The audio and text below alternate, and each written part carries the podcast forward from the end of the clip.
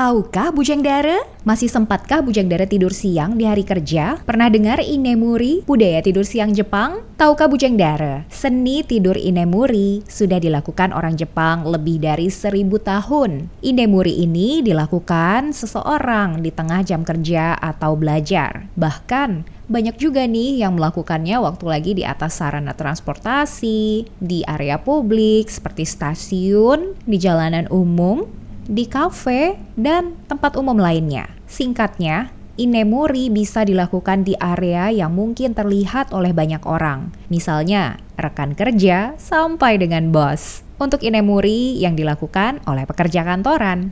Manfaat tidur siang diyakini bisa mengembalikan fokus dan konsentrasi, sehingga kita mampu kembali kerja dengan lebih baik. Maka inemuri menjadi hal yang biasa di Jepang sana karena waktu tidur dianggap hal yang berharga dan wajib dihormati. Budaya inemuri Jepang memang lain dari yang lain ya.